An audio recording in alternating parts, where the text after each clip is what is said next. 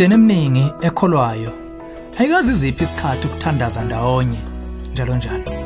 Okwenza ingazi ngokunamathelana okumangazayo okudalwa lemithandazo elula nje.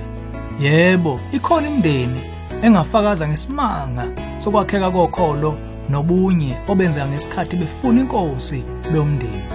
Sisemqoka kanani isikhathi sokukhuleka ndawonye umndeni? Sizophendula lo mbuzo khona la ohlelweni ezomndeni. Hlala unamathele emsakazweni wakho ungasuki.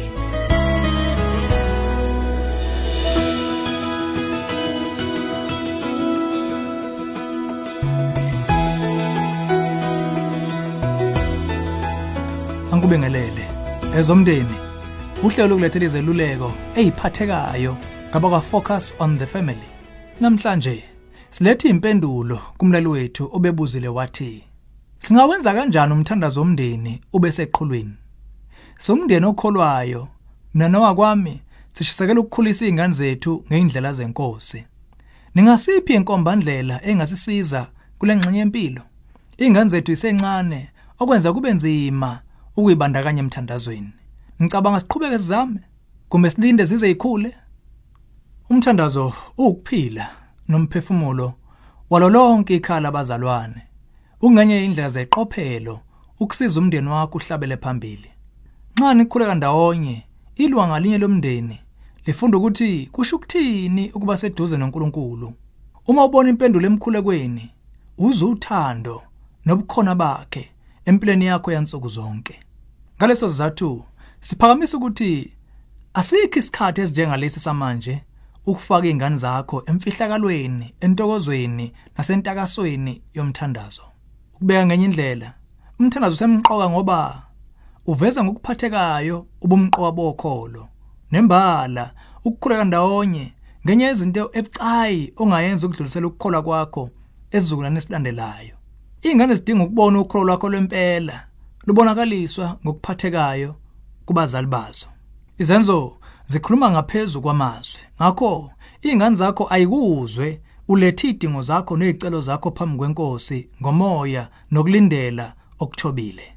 Ekukuzweni zizobamba umqondo ukuthi ubaba wethu osezulwini singathembela kuye ngezimo zonke esibhekana nazo empilweni. Lokhu okungaholela ingxoxweni ejulile nezikhulumayo ezintweni zakamoya nabantu bakho.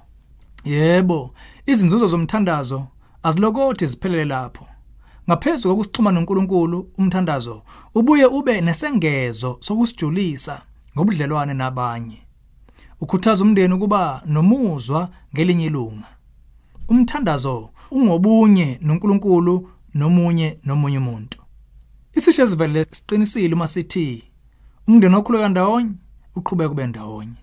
Yingoba izimo ezisuke zicotshelelwana emthandazweni masishane zixhumisa uthando ukuthethelelana nomusa. Njengoba ungubunye obuxhumene umthandazo udala umndeni ophilisanayo uqinisa ubunye kubaba nomama udade nobafo kumzali nengane. Umthandazo yakho niyumndeni ingaba impumelelo ngendlela yokuthi ungayishayela iye idingweni zabantu bakho eziseduze kunezinhlaba amxhwele zabo. Nokho ukhumbula izinga leminyaka yabo futhi. Sebenzisa ulimi abangaliqonda. Khumbula ukukhuluma amazwi alula aqondile kuukhiye kuzo zonke ingxenye zohambo lokukhula. Fundisa izingane zakho ukuthi umthandaza kuphoqa ube mude ube nendlela elandelwayo kumbe ube ngoqhakile.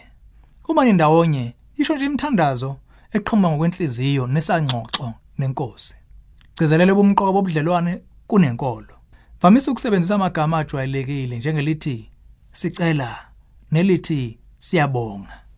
Yenza konke ongakwenza ukuba izingane zakho zigajwe uthando likaJesu kuhlaluka emqondweni wabo ubukhona bukaNkuluNkulu eminingane yonke yansuku zonke empilweni.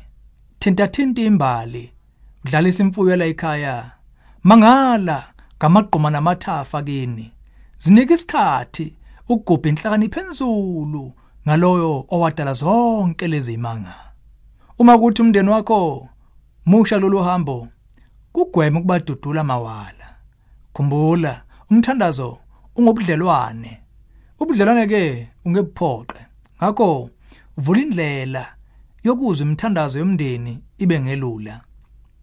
Qala ngokuxoxa ngamava abantu abakho nokuhle abakuzozile makuthi ikhathi zomkhuleko zigelezele zona xeshana nixoxa ngeenjabulo zempilo.